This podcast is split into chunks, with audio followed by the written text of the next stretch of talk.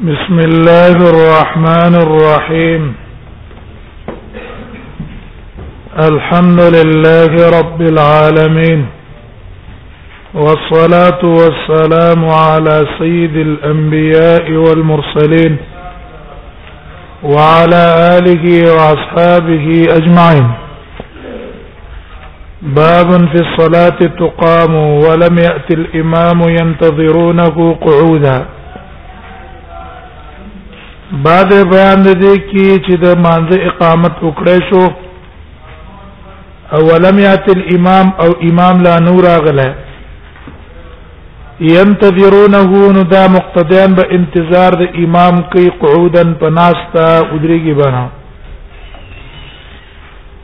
غرض د باب دا ده چې امام تر څو پورې راغلی نو داغه دراتک نمخ کې ودرېدل په انتظار د مانځه باندې دا ناروا دي اگر عام خلکو عادت دی چې جمعه ترانه نه وځي ګینټه ته چوغوري یو منټ یا دو منټ پاتې نل ته ودرېږي یو مدريږي بل مدريږي بل مدريږي دا ناروا ده نه چرا لکینا یا تحیت المسجد وکا تحیت المسجد نه کې بس کینا ودرېږي باندې ترڅو پورې چې امام راغلی نه امام چراغ اقامت شروع شو به پس داګه نه بود رہی هغه اقامت مؤذن کو خو امام لا راغلی نه ده به هم ته ودرېږي نه چې کله راغی به ودرېږي ابو قتاده رضی الله عنه نه روایت ته قال دا وی اقیمت الصلاه و نبی سلام فرمای اذا اقیمت الصلاه فلا تقوموا کله چې اقامت وکړې شو د مانځه فلا تقوموا حتى تروني نو تاسو باندې ودرېږئ تر څو پورې چې تاسو دې دلانه ظاهر د حدیث دلیل له پدې چې د امام د ادریدو نه مخ کې ادریدل ټیک نه دی لیکن امام حاضر شو اقامت شروع شو نو بیا به کم ټیم کې ادریږي مانځو ته آیا د اقامت شروع کېدو نه مخکې به ودرېږي که د اقامت نه وروسته به ودرېږي مقتدیان ناست دي امام هم راغی مؤذن اقامت شروع کو آیا دا مقتدیان په کم ټیم کې ودرېږي نو په دې کې اختلاف دی د علماو الا تقوموا حتى تروني ظاهر نه خپې شوي چې امام لا نه راغله مخکې ودرېدل ټیک نه لري او امام راغه دا هغه راتک نه بعد په کم ټیم کې مانځه ته ودرېږي مقتدیان په دې کې د علماو اختلاف دی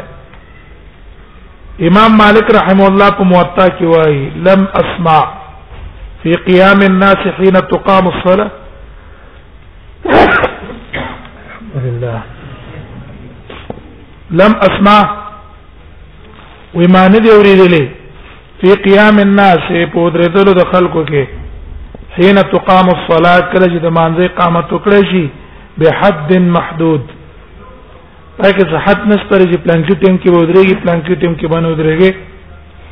الا اني ارى ذلك على قدر طاعه الناس طاقه الناس ها دا د خلکو د طاقت مطابق ده چې چا څونه وسی فإن منهم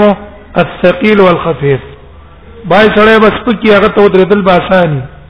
بای سره به د بدن نه دروندي هغه ته درېدل تکلیفي نو دیو جن دې کې صحت نشته اولا استطيعون ان يكونوا كرجل واحد ټول خو یو شان نه کیږي چې شریعت کې د تم حد مقرر کو چې کانګي تم کې ودرېږي ابن حبیب په مالکیانو کې هغه د عبد الله ابن عمر نه نقل کړه چې کان ابن عمر لا يقوم حتى يسمع قد قامت الصلاه واذا عبد الله ابن عمر طریقه دا چې جمعه کې بناستو او امام براغله او مؤذن به قد قامت الصلاه ورسېدو به په پاتې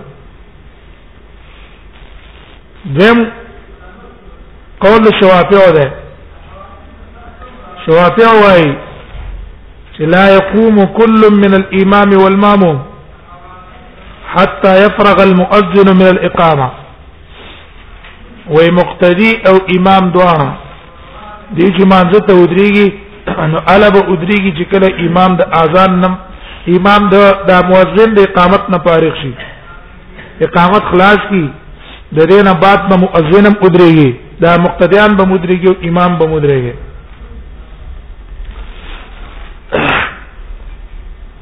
او دا قول د امام صبر رحمه الله هم نه او د حجاز والا هم نه او د اسحاق بن راهوی قول هم نه او یو روایت ته د امام احمد نه هم په دې ټیم ودرېږي دویم قول دریم قول د عمر ابن عبد العزيز ده محمد ابن كعب ده او سالم ابن عبد الله او ابو قلابه او زهري رحمهم الله جميعا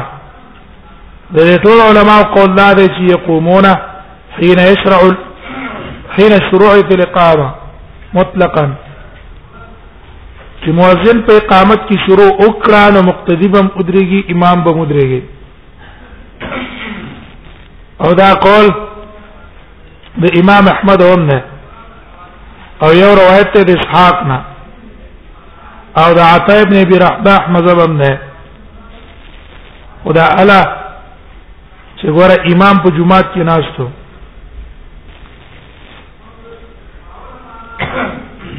درم قول امام بن فرحم الله عليه او امام محمد ده اغيوي يقومون في الصف اذا قال حي على الصلاه وکړه چې حي على الصلاه ویره په سب کې مقتدی ودرېږي فاذا قال قد قامت الصلاه وذكر قد قامت الصلاه ویره نو امام به الله اکبر وای کبر الامام امام به الله اکبر وای د دې خبره لپاره د دلیل نه ولا په حدیث د عبد الله ابن ابي اوفا استدلال نه ولا په حدیث د عبد الله ابن ابي اوفا وي كان بلال اذا قال قد قامت الصلاه وی بلال بچ کله قد قامت الصلاه ویلا نهض النبي صلى الله عليه وسلم فكبر وی نبی سم په پاتید والله اکبر به ویلو روایت امام بیقی راوړه دارنګ استدلال نه ولا ده روایت د امام ابو داود امام ابو داود راوړه ان بلالا قال للنبي صلى الله عليه وسلم وی بلال نبی سلام ته ویل لا تسبقني بیامین اے الله نبی ما نه غره پامین سبقت مکوا لا تسبقني بیامین ته ول ویلو وی دا دې وجنه چې نبی سلام په قد قامت الصلاه سره بچو کړو الله اکبر به وکړو نو دبه اقامت ختمه رسول الله صلی الله علیه وسلم امین ته ورسېد نو ته وتل چې مار سبقت مکه او ما ته انتظار وکا چې زه قامت خلاص کوم بیا تا ته څه شمه امین ته ضرور رسېږم دریم دلیل د احناف دا ده دی وای چې اذا قال المؤذن قد قامت الصلاه وکله چې مؤذن قد قامت الصلاه وای او امام الله اکبر او نه وای یکون کاذبا دا په خپل خبره کې دروغجنی قام الصلاه معنا څه ده منځ قائم شو او درېدو دا به الوی چې امام خو تکبیر کړی که امام تکبیر نه کړی دا مؤذن په خپل خبره کې صادق نشو کاذب شو لیکن د دې دا قول چې امام با الله اکبر وی اذا قال المؤذن قد قام للصلاه دا قول د دې سینه ده مخالف دی یو د مخکې حدیث نه تاسو مخکې وویل د اقامت په باره کې چې رسول الله صلی الله علیه وسلم د اقامت په باره کې څه ویلو باو ما یقول اذا سمع الاقامه اقامت چې واورې د کومه دعا بکې نو پاره کې دی ان بلالا اخذ في الاقامه بلال چې قامت شروع کړو فلما ان قال قد قامت الصلاه قد قامت الصلاه چې ویل نبی صلی الله علیه وسلم ویل اقامه الله وادامها وقال في سائر الاقامه كنحو حديث عمر في الاذان هغه حدیث نه معلومیږي چې رسول الله صلی الله علیه وسلم د هرې جملې د مقیم جواب ورکړه چې قد قامت الصلاه کې الله اکبر ته وکړو قد قامت الصلاه الله اکبر لا اله الا جواب شو نه نو دیو جنا دا هغه حدیث سره مخالف ده چې یې نه سم دواره ته بودريږي به چې تعارض راځي دویم دا ده چې اقامت چې کوم ده اقامت دا د څه غرض لپاره ده د اقامت خود دعوت ته د پاره د مانځه اقامت د دې غرض لپاره کی چې را کراشي منځ دريږي نو فلم يشرع دخول فيها فکاردار چې دې مانځ کې موږ داخل شو پس د فراغت نه قامت نه سره فارغ شي مقیم پس داګه نه په مانځ کې به داخليږي لکه اذان اذان په وسط کې تعالی مانځ کې قدرتل جایز نه دي دغه اقامت کوند کوم شو ها کوم حدیث باندې چې دې استدلال نه ولې دا بیا وفا هغه روایت ضعیف ده هغه روایت څه ده هغه ضعیف ده ځکه هغه په سند کې له حجاج ابن فروخ حجاج ابن فروخ دا هغه باندې دا حدیث دارو مدار ده او هغه راوی مجهول له لکه ابو حاتم مجهول ته ویل دار قطنی ته ضعیف ویل ده ابن معین ته ضعیف ویل نه سیو ته ضعیف ویل دوی موجود زو پیدا ده چې دا غیب په سند کې عوام ابن حوشب ده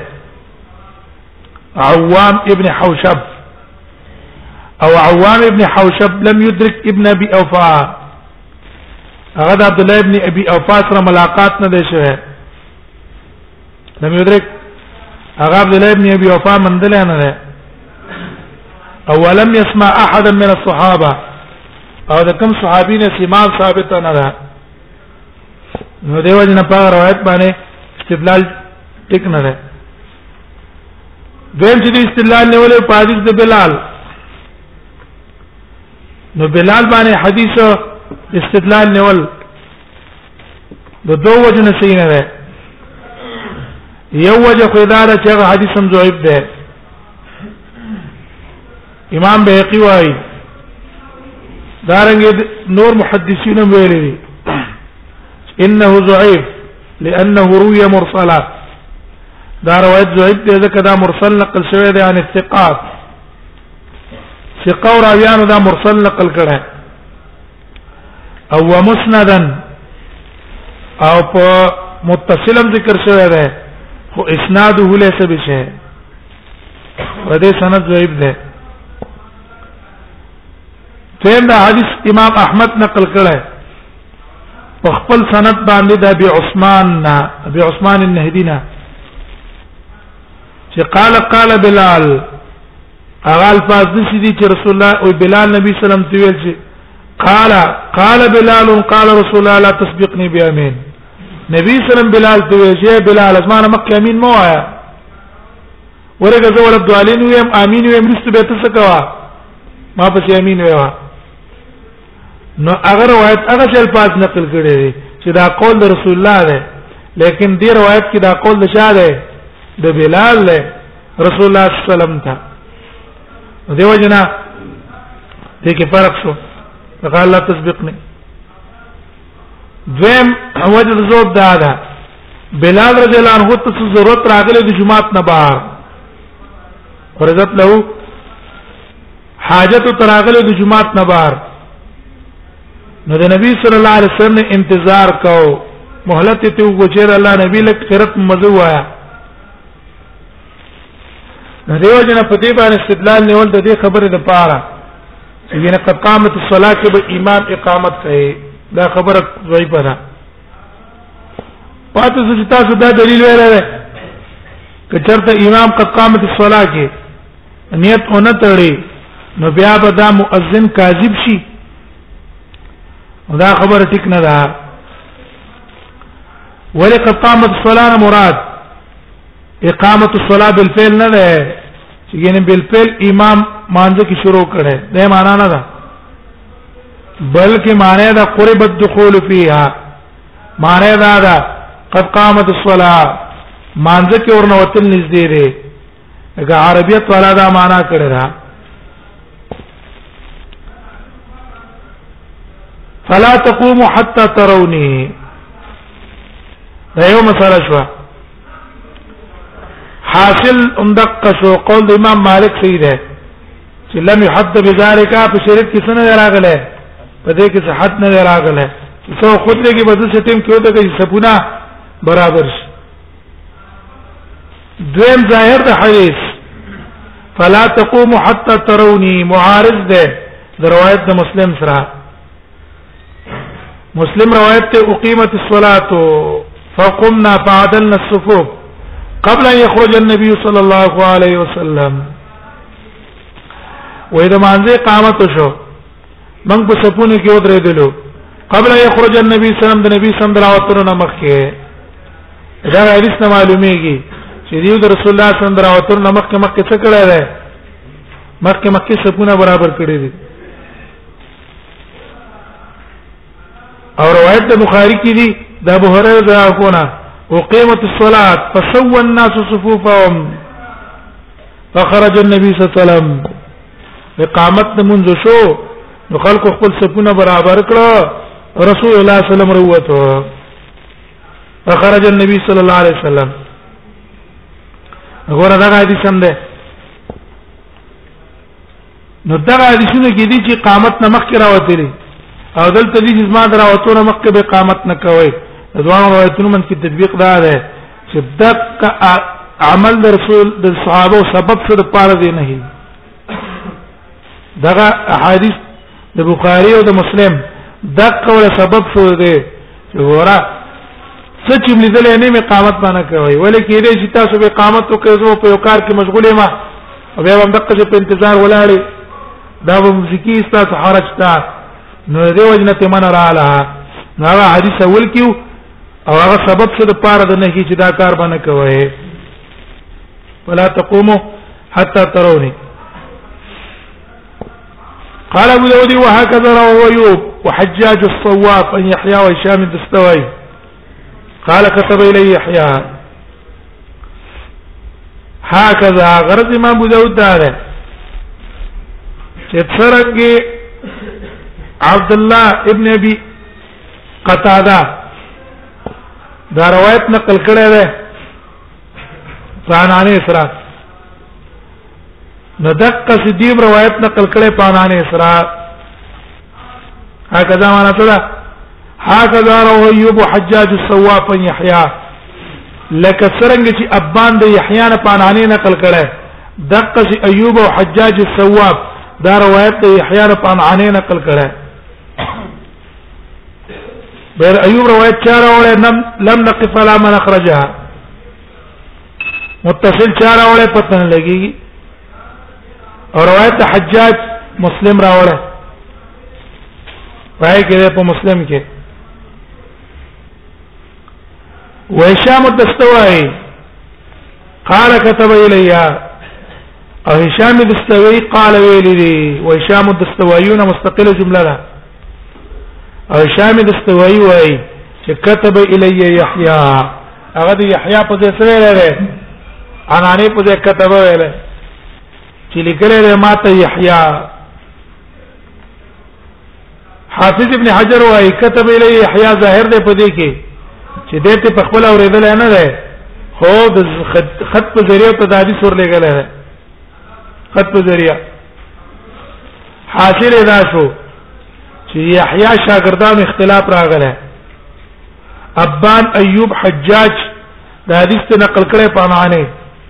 او هشام د استوایت دا روایت نقل کړي په کتابت سره ورواه معاويه بن سلام وعلي بن المبارك عن يحيى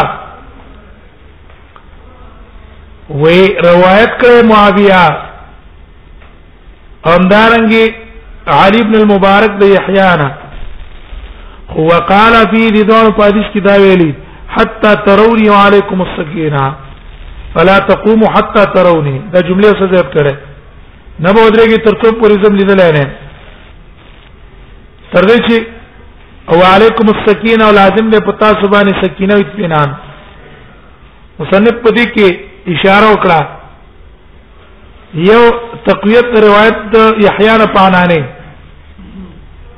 چې ټیک د پاسنو کسانو چې روایت پانانه نقل کړه نو دقسی معاویه ابن سلام او علی ابن المبارک جیم دا روایت نقل کړه پانانه د یحیی نه دې اشاره وکړه دیتا چې څنګه په سند کې اختلاف ده دقه چې په متن کې اختلاف ده د دې پر روایت کې سردا جمله زیاته ده حتا ترونی وعلیکم السکینه دې کې صدا جمله زیاته ده وبي قال حدثنا ابراهيم بن موسى ما استفاد من الحديث قال ده چې امام لاره وتل نه داغه دراتک د مخ کې په سپونو کې درېدل دا د شرع نه خلاف دی وبي قال حدثنا ابراهيم بن موسى قال اخبرنا عيسى عن معمر ان يحيى باسناده مثلها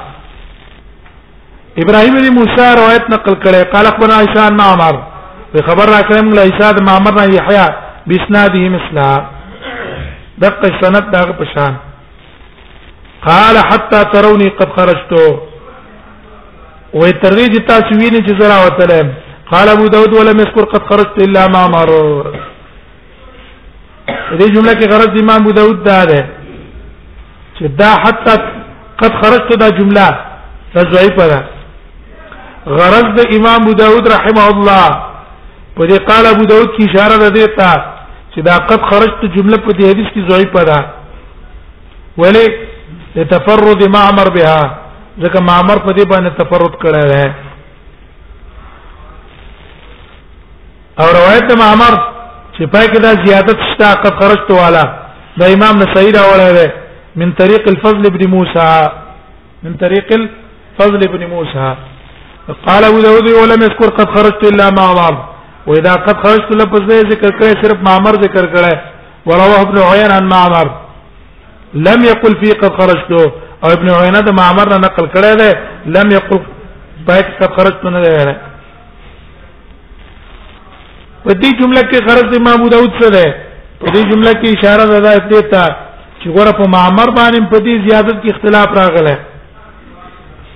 عیسی ابن یونس ته دا روایت نقل کړی دی دا زیادت ته عیسی ابن یونس نقل کړی لیکن سفیان ابن عینه چې د معمر نه روایت نقل کړی نو پای کې دا زیادت نشته روایت د سفیان عن امام اعمر ان معمر اخرجها مسلم دا مسلم راوړی څه راوړی مسلم راوړی قد خرجته وبي قال سنة محمود بن خالد قال سنة ولي قال قال قال ابو عمر وهذا لفظ الاوزاعي ينزل الى النبي صلى الله عليه وسلم عن ابي هريره ان الصلاه كانت تقام لرسول الله وي مون چې وکانت تقام دا غي قامت په وکړه شو نبی سلام د پاره فياخذ الناس مقامهم وبني ول خلق خپل زینا قبل ياخذ النبي صلى الله عليه وسلم مخکې دنه چې رسول الله صم په خپل ځای کې ورېږي ګور ظاهر د حدیث دا ولنی حدیث معارض دی فلا تقوموا حتى تروني رسول الله صلی الله علیه وسلم لیدل لیما تر هغه وخت پورې به تاسو نه ودرې او دې روایت کې دي قبل ان ياخذ النبي صلی الله علیه وسلم مقامه نبی صلی الله علیه وسلم ولال نو صحابه مخکنه په سپونه کې څه شو ول خپل ځای کې بودره ده ظاهر کې منافات ته په حقیقت کې منافات نشته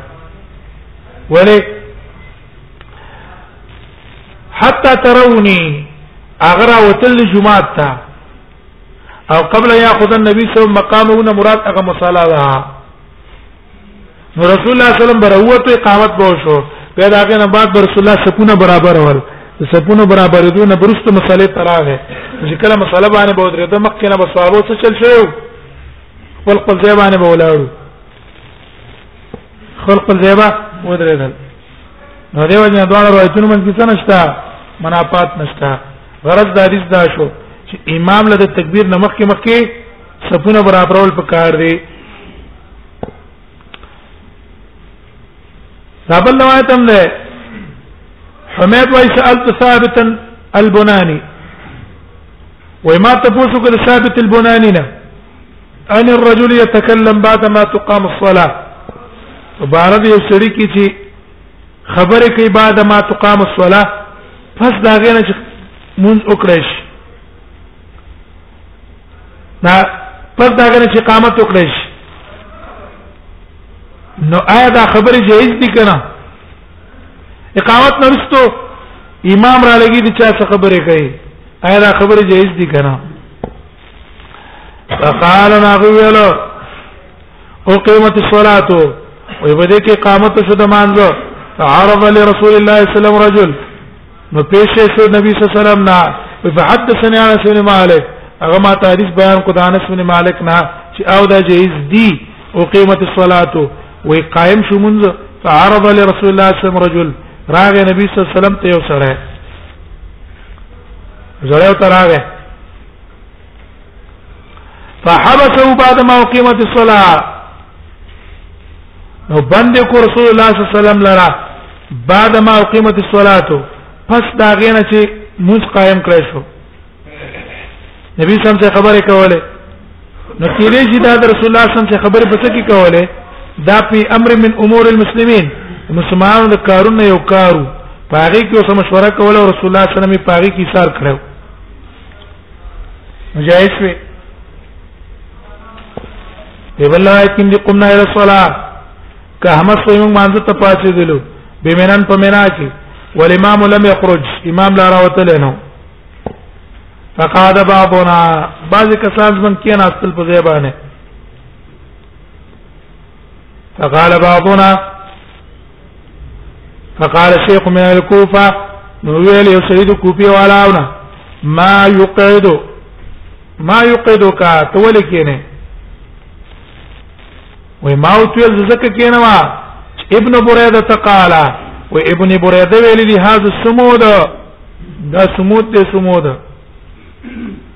سمود ویل کی رفع الراس تکبرا چې کبر د وجنه صحیح لاس سر د سپور تک کړی وې دا سمود ده یا سمود ویل کی چاته سامت ویل کی القائم فی تحیر هغه کس ته ویل کی چې په تحیر او په حیرانتیا کې ولاړی وې دا سمود ده سمود نه معنا ده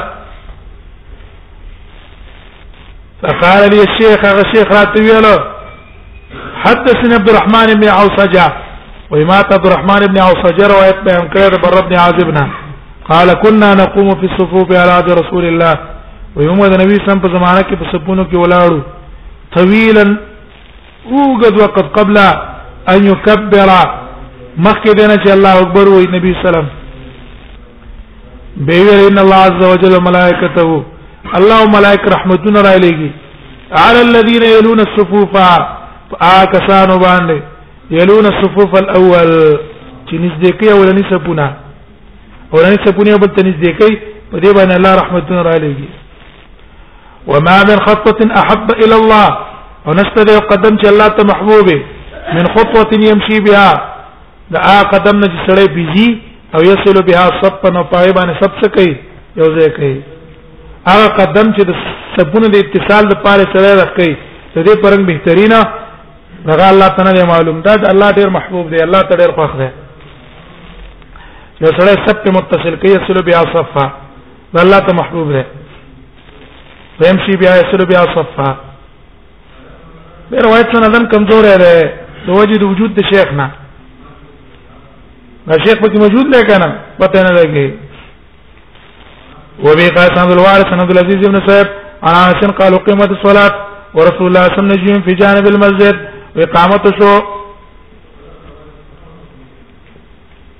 په جمعات کې اقامت شمول زما قسطن ورسول الله صلی الله علیه وسلم فی جانب المسجد او رسول الله صلی الله علیه وسلم خبرې کوي د سړي سره جمعات طرف کې جانب المسجد نبی صلی الله علیه وسلم جرګه ولې کوله كانت في امر من امور المسلمين دا د مسلمانانو په کارونو کې مشوره وا چې لا يم بغي تاخيرو درستواله په کار نو کني رسول الله صلی الله علیه وسلم د شنه ده چې هغه د منځ رستو کې دا اول وخت نه تر دې خلک دی ودی شي اول وخت نه منځ رستو کې تر دې خلک ودی شي دا نبی صلی الله علیه وسلم نه کول فلما قام الى الصلاه وما قام الى الصلاه نبی صلی الله علیه وسلم ته پانه کېدل حتا نام القوم تر دې چې اکثر خلکو باندې خوب راغی ودش ما استفاد من الحديث حديث ته مسله معلومه شولا جواز مناجات مناجات الشخص غيره بحضور الجماعه فكسان حاضري او دا غي سره جرګه کې را جایز دي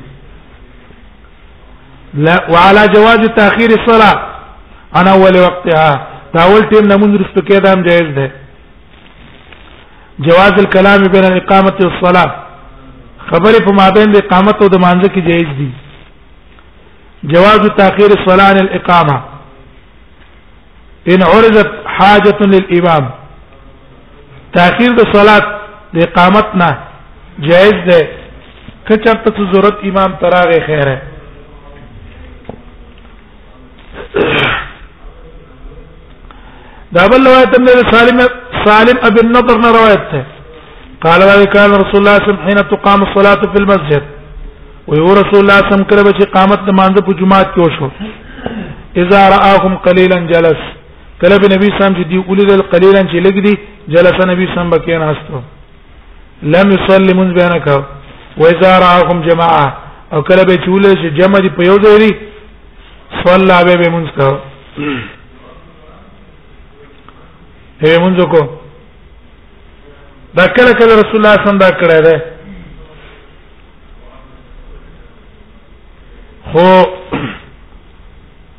د کمرې نه حجرې نه لیدلې دي بار ته نه راوته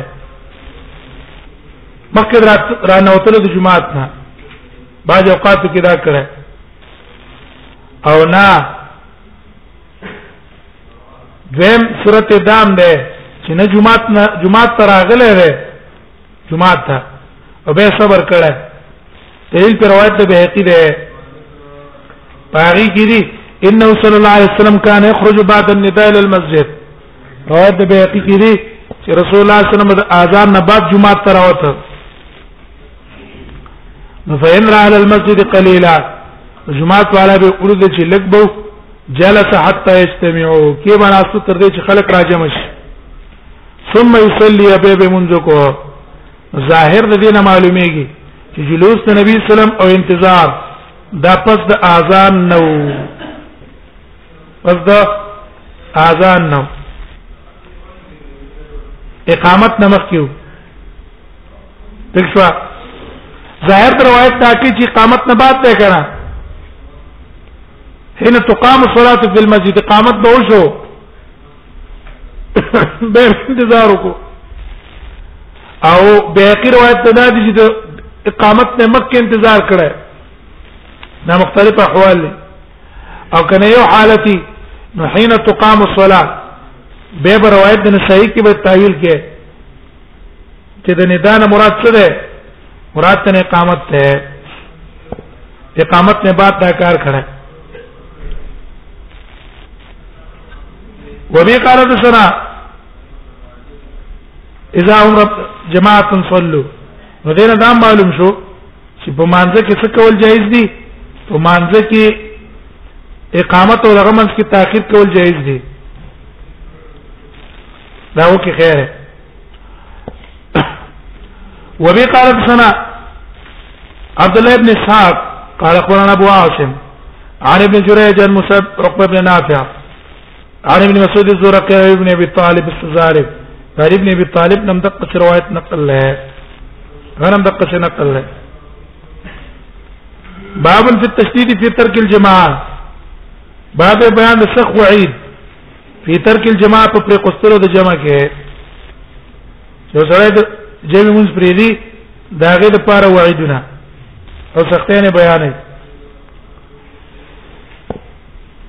ابي الدرداء رضي الله عنه روایت ته قال سمعت رسول الله صلى الله عليه وسلم يقول وما رسول الله صلى الله عليه وسلم يريد لي فرمایل به ما من ثلاثه في قريه ما من ثلاثه نشتل درې کسان په قريه ولا بدوين په یو کلی کې ولا بدوين یا نه په باندې کې لا تقام فيهم الصلاه چې پاکه قامت د مونږ نه کیږي جمع نه کیږي الا قد استحوذ عليهم الشيطان مگر غلبه حاصل کړی د پاغي باندې شیطان ما من ثلاثه د لفظ ثلاثتون د قیف نه معلومیږي ان ما فوقها كذلك بلولا چې درې کسان جمع نه کوي پاغي باندې شیطان غلبه ده چې درو نه زیاتی نو پاغي خود طریق اولا باندې شیطان غلبه ده ځکه اقل جمع درې دي ځکه ثلاثه ویلا قريه قريه یمنی لغت ته یمنی لغت کې اصل کې ویل کېږي معنا د استماع لغوي معنی څه ده استماع عرب وایي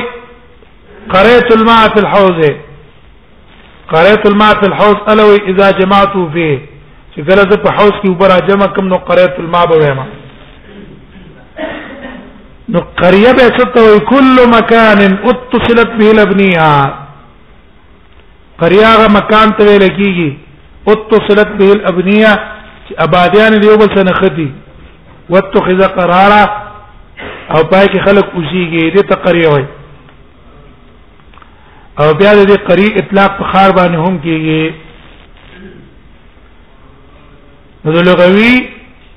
او د اصطلاحي معنا کې مناسبت ته ده چې دې مکان ته قريه زکه وای لاجتماع الناس فيها په دې کې خلک راځي مشي وي دي زکه ته قريه وای بدو باندې ته وای الا استحوذ عليهم الشيطان شیطان به غلبو کی نو شیطان د غلبه اثر دا دی په چې فینسی هم ذکر الله الله ذکر به تیر کی او شریعت به استفاده شي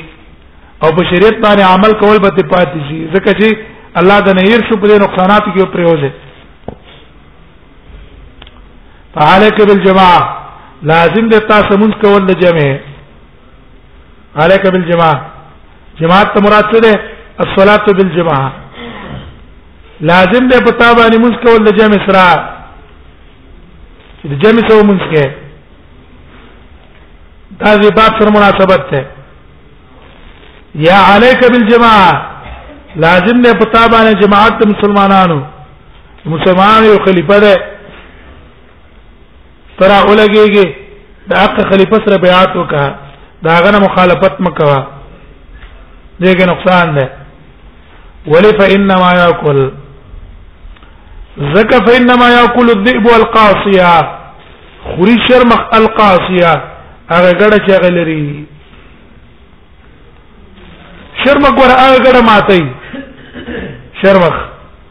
چې هغه د نور رمې نه جدا وي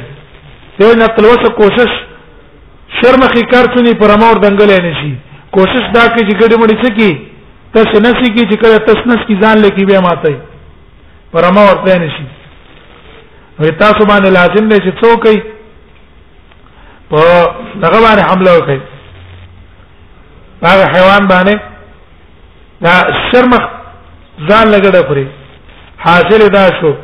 چې شیطان متسلط کیږي په انسان چې هغه د مسلمانانو نه ځان لري جمع کو ته شرکت نه کوي مسلمانانو سره یو نه وي هغه باندې تسلط راځي لکه ځان لګړه دراعي د نظر نه پریوزي شرم ته ماتي دغه چې دا کس ځان لشو دا به د الله د حمایت نه غورځيږي نو شیطان ماته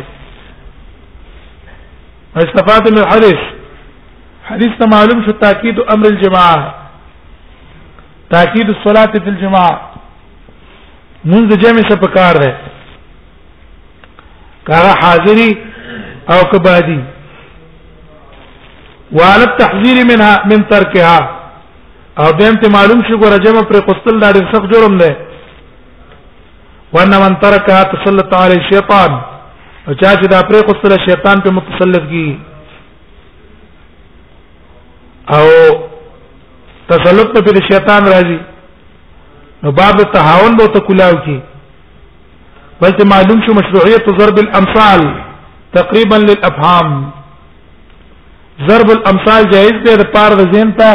د خبر را نږدې کولو چې خبره زین ته را نږدې شي ته د هغې د پاره مثالونه بیانې دا جائز دي دا مثلا ته معلومه شو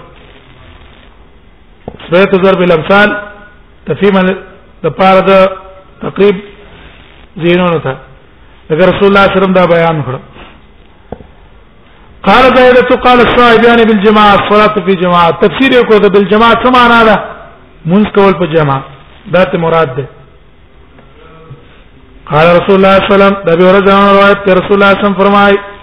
لقد هممت ما لا قص کړه انا امر بالصلاه جز حکم کوم په مانځه ما دا قص کړی چې زه حکم د مانځو کوم فتقام دا مانځي قامت وکړي شي ثم امر رجلا او به زه حکم کوم یو سړی ته فیصلی بالناس خلق ته منځ کې چا ته حکم کوم خلق ته منځ کې ثم انطلق معي برجال او به زه بوزم ځان ته سړی ما کوم حزم من حطب چې دا غي سګيري من حطب د لرګو ځکه تان ځان ته بوزما چې هغه څه د لرګو ګړي الى قوم لا يشهدون الصلاه هغه قوم بس چې مانځ ته ناظرېږي فحرق عليهم بيوتهم هغه باندې دغه کورونه او سيزم بنار پور لقد هممت رسول الله صلی الله علیه وسلم ولې دا ویل وجدادا چې بعضی منځونو ته کسان نو حاضر شي رسول الله صلی الله علیه وسلم لقد هممت وز د جمع منځ څه حکم ده آیا دا واجب ده که سنت ده او که فرض ده نو منځ د جمع سره اختلافي مسله د علماو منځ کې اولا قول او مذهب د عطاء ابن ابي رباح ده او زاعي ده او د اسحاق ابن رهويه ده او د حنابلة ده او داوود الظاهري ده او د اهل ظواهر ده دیوی الجماعت فرض عین جمع ور فرض عین دا په ارچا جمع من فرض ده مگر هغه چې شریعت مستثنا کړي دې ټول جمع فرض ده په جمع صلوات دلیل نیولای ده به حدیث الباب ګوره په دې روایت کې دي انما ياكل الذئب والقاسيه او استحوذ عليهم الشيطان سبب ته پار تسلط شیطان دین دا حدیث ته لقد هممت طریقه استدلال دا دا دیوې کې فرض عین نه وې فرض کفایي وې لو کان فرض کفایه که چرته فرض کفایي وې لسقط بفعله صلی الله علیه وسلم ومن معه نبی سلام چې کړه د امن په جمع وکړو او کوم صحابه سره د امن په جمع وکړو نو د ټول نه به څه شوی وي دا به ساقط شوی خو چې دا غیونه ساقط نشو په دې په پیل او به رسول الله صلی الله علیه وسلم کورونه سیزما دا دلیل دی چې دا مونږ په فرضیان نه پټولو دیم ولو کان سنه او کدا سنت په نو ما هم بقتلهم ما هم بقتلهم که سنت په نو قصد دې په قتل باندې نه کړه وجدادا لأن تارك السنة لا يقتل تارك السنة څنګه کیږي او وجل کیږي نه تارک د سنت وجل کیږي نه نو معلوم شو دا چې رسول الله قصد دی پوجلو کړه کورونه سیزلو کړه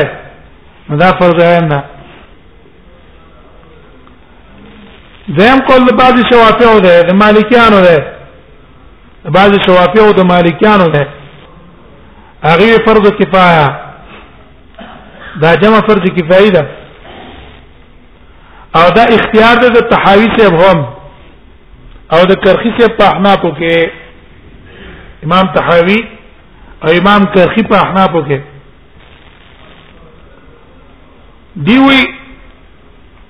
فرض عین نه ده او فرض کفایه ده وې قرینه صارفه د فرض عین نه فرض کفایه ده هغه حدیث فضل الجماعه هغه حدیث ته چې رسول را روان نه چې رسول الله صلی الله علیه وسلم فرمایي چې ځان لمونځ دا په جمع باندې مونځ تبذل صلات دا غوړه کی په غزان لمونځ باندې په ویش درجه هغه غوړه کیږي په ویش درجه غوړه وای که چرته ځان پرځعین وې نو بیا په کار دار چې دا جمع مونږ په ځان لمون سره پر شوه نه غره شوه نه غره کېدنه چې سره هغه شوه نه خو هغه اوسو خو د دې کې ثواب د هغه په نسبت ډیر دی دا قرینه صارفه شو د فرض عین نه فرض کفایه ته او فرض کفایه ځکه دا چې په ډیر اهتمام راغله ترغیبات راغلي فضایل راغلي په دې کې فائدې عامه دي ملاقات شي د مسلمانانو د یو بل احوال ته پوسو کړی شي اجتماع د مسلمانانو په کې راځي وغیر ذلک ډیر فواید باندې مشتمل دی دا جمع ځکه پر دې اکتفای ده دریم قول جمهور علما ده جمهور علما قول دا ده چې دا جمع د سنت ته سنت او دا مشهور قول د امام شافعي او د مالکیانو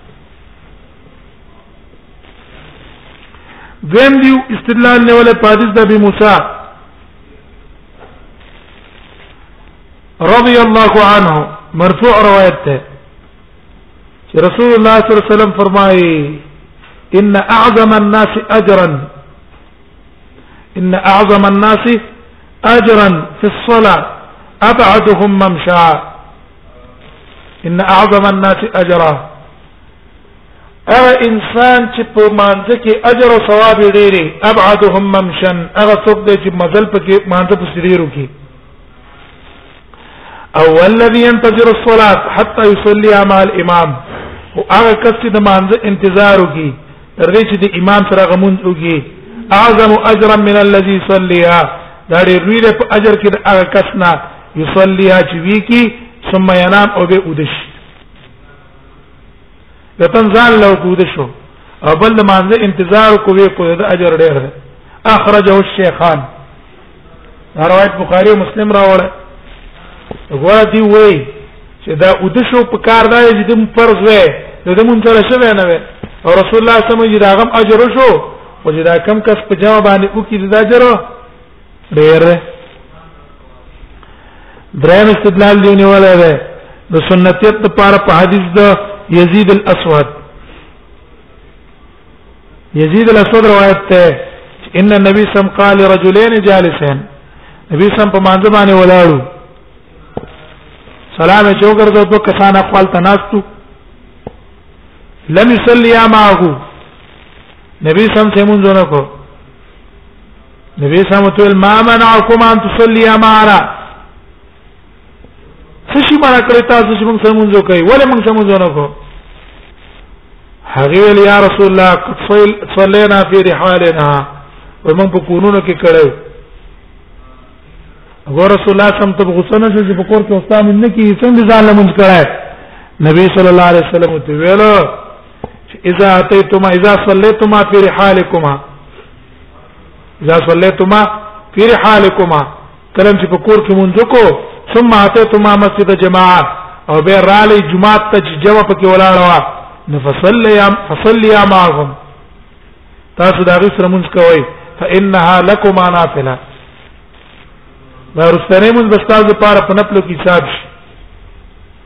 و دا احادیث دلیل لري خبره چې فرض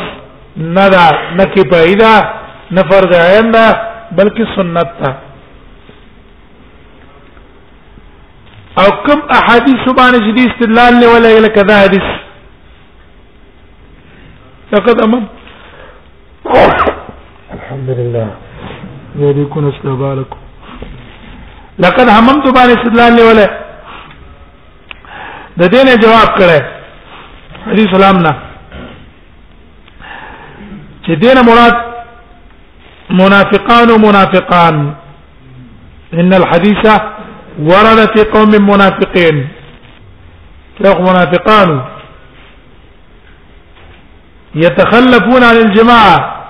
جمع منزل بنراتل او ولا يصلون فرادا او ځان لبه به تمنځم نکاو دلیل په حدیث د عبد الله بن مسعود ده وما يتخلف عنها الا منافق معلوم النفاق مستر روان ده دې جمع نه بده نبی صلی الله علیه وسلم په وخت کې څوک پاتې کېدل وما يتخلف عنها الا منافق دې جمع نه باندې پاتې کېدو مگر منافق سره هغه منافق معلوم النفاق هغه منافقت څو معلومو هغه ته پاتې کېدو ویلنه مراد منافقان خلق دي عام خلق نه دي دویم جواب دا کوي ګور نبی صلی الله علیه وسلم صرف قص کړه ر قص لقد هممت قص کړه خو به ته په عمل نه کړه فلو كان واجبا لما تركه اگر چرته دا مون واجب وي رسول الله صلی الله علیه وسلم بسنه کړه دی خیر به نه وي رسول الله باندې پر قصله بلکې دا مون به کړه سیزره به نو دریم جواب قاضی عیاض کړه ده قاضی عیاض وای ان فریضه الجماعه كانت اول الاسلام وي په ابتدا د اسلام کې مونږ د جمع فرض وو چې خامخا په جمع راځي ولې لاجل ست باب التخلف ډېر پای د منافقانو دروازه بند شي د مانځنه نه پاتې کېدل جمع پر شوی وا لاجل ست باب التخلف على المنافقين عن الصلاه منافقانو باندې پاتې کېدو دروازه بند شي ثم نسخ بلا فرضیت منسوخ شو په حدیث دا فضیلت حافظ ابن حجر فتح الباری کی وای ويدل على النسخ وې د نسخ لپاره دلالت احادیث د فضل الجماعه کوي او حدیث چې پاک رسول الله صلی الله علیه وسلم څخه ودره فضیلت د جمع خو ده په ځان لمز باندې نو که چرته دا منسوخ شوی فرضیت نه وي نو بیا خو به سره د ځان لمز فضیلت نه وي دا چې مونږ نه شو فضیلت د کوم ځای نه راغی نو دا منسوخ شو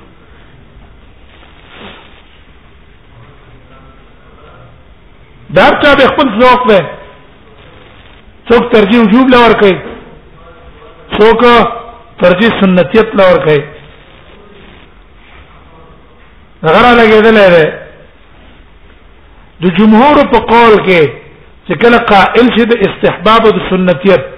نو دا راجح د دې وجه نه ده چې لما فيه من الجمع بين الادله دغه دواړه قسم درایل باندې سره راځي اجتماع راځي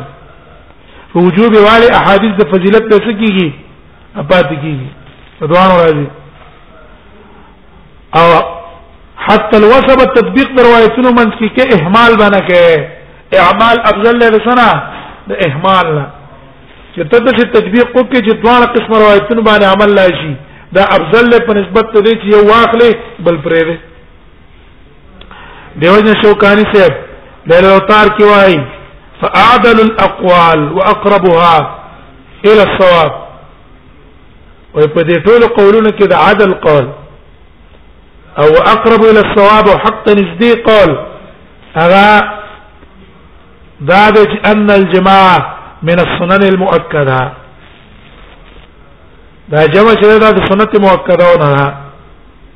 فرض عین نه دا فرض کفایه نه دا سنت موقت ته حتی الوسه بجمع کې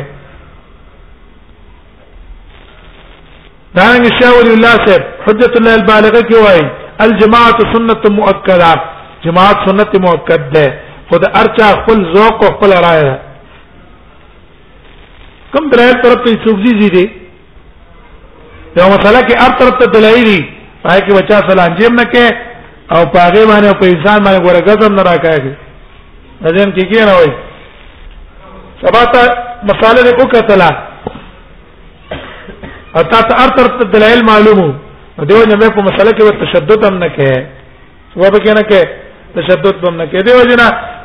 عالم سړي ته چر طرف ته دلایل معلومي هغه په مسله کې تشدد نه کوي وذالک دا پلان کې خبره چې کړې پلان کې دلایل په ستر نه او چې سړي ته معلومات نه هیڅ نه خبر نه نه په دې بل طرف باندې سم غذرا کوي او سم رد پکې دا نقصان دی دا نقصان دی وجنه تن زما را اذا ده والله اعلم یو تن ته ته پته لګی چې دا کسان نن سبا متشددین دي چې یو طرف ته فتوا دی ولور کړه په بل باندې بیخي غز راکاږي نو خبر او ته یو چې ګوره دې دې طرف تم قول شته دام شته دا قول راجح دی په دې عمل او کار دلایل د وجنه دا تر پاره کبل او تنوین چې په هغه باندې څه نه کوي هغه باندې بیا غز نه راکاږي لکه نن سبا د انسانانو مزاج څه دی مزاج دا دی چې یو طرف ویني په بل طرف باندې بس بيخي نه پکې چې دا نشته راجع قول دا معلومیږي چې را جمع دي سنت موقت شي لقد هممت ما استفاد من الحديث حديث معلوم شو بشرعية الحلف من غير طلب یو سره قسم کوي په غیر د دینه چې تان تان چا طلب د قسم کړی دا جایز دی ورسول الله صلی الله علیه وسلم قسم کو کنه لقد هممت قال رسول الله صلی الله علیه وسلم لقد هممت انا امر بالصلاه زين معلوم شو جواز تقديم الوعيد والتهديد على العقوبه په یو عمل باندې سزا ته ورکه د سزا ورکول لمخکې تاغله دمکی ورکه تهدید ولا ورکه دمکی ولا ورکه دا تهدید او دمکی ورکول جایز دي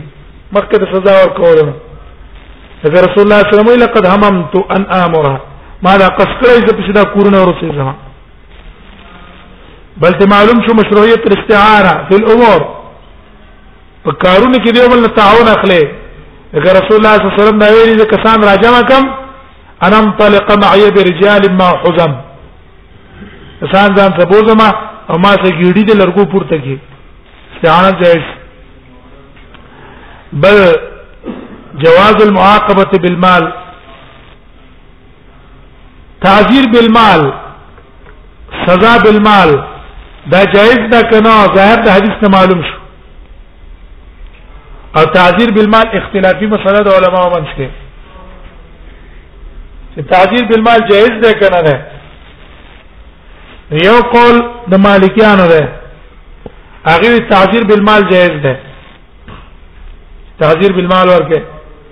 سینه پیسې اخلي مال ولا اخلي مال ولا سيزي التعذير بالمال جائز ده دیم قول د جمهور علما ده هغه تعذير بالمال جائز نه ده دا په ابتداء اسلام کې به رستو منسوخ شو ابتداء اسلام کې رستو منسوخ شو نو اوس دا تعذير بالمال کی یاره پیسې ته واخلا جرمانه ته واخلا استادان را لګي د شاګردان نه جرمانه اخلي یا ادارې والا را لګي جرمانه اخلي یا دا ټریپکو والا خلکو له پرچي ورکې پیسې ته اخلي نو د قول د جمهور په اړه دا څه نه ده جایز نه ده ځکه دا منسوخ شوی تعذير بالمال وي منسوخ ده هغه خو مسله ده پکې بیا بل ته معلوم شو د حدیث نه جواز اخذ اهل الجرائم والمعاصي الا غره مجرم دی پنا خبره کې ته پیول شي راوی نشي او سزا ول ورکه دا جایز دی ول رسول الله صلی الله علیه وسلم کورونه اوسه زما دي ته بیغمای او زه پیورل او تور ته کما دي یو سوځيږي او على تاكد امر الصلاه في الجماعه دلته معلوم شو چې جمع سره ګوره مونږ کول په کار دي دا مؤکد امر ده اهمیت دا غیر راغله ده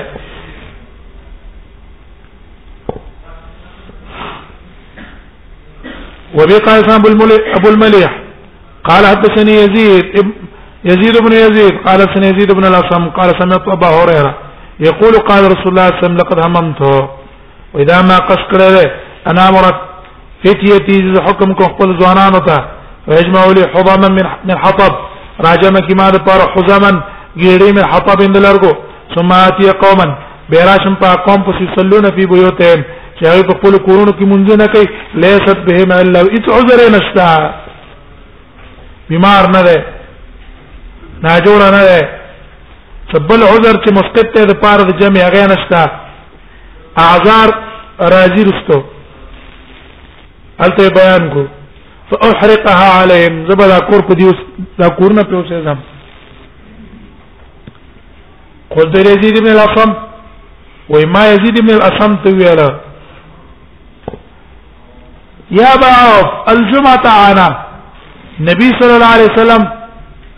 په دې لفظ د همم تو کې چې ویل وی اې د جمعې مونږ دې قص کړی چې جمعې مانځر راځي او غیره او کنا د جمعې مانځنه په غیر نور مونږونه مراد دي چې نبی صلی الله علیه وسلم دا کورونه سيزم اې د جمعې مونږ وای او نور مونږونه وای قال ناغل سمتا اذنايا ما دا غوګونه لیکانه شي ان لم اكن سمعت ابا هريره كما دا ابو هريره دا حدیث نه اوریدل یا یاثر هو رسول الله چې د نبی صلی الله علیه وسلم نقل کاو ما ذکر جمعه ولا غیرها نه جمعه په ذکر کړی دا او نه غیر جمعه ذکر کړی خدای ویلی چې څوک مانځه ته ناراضي ما اراده لري چې په کومه کور په اوسه زما هغه فرقونه نه لري نه جمعه نه غیر جمعه ویره ما ذکر جمعه ولا غیرها دی جمعه ذکر کړی دا نه غیر جمعه ذکر کړی معنا ځان په کې دغه نشم کوله بس په کوی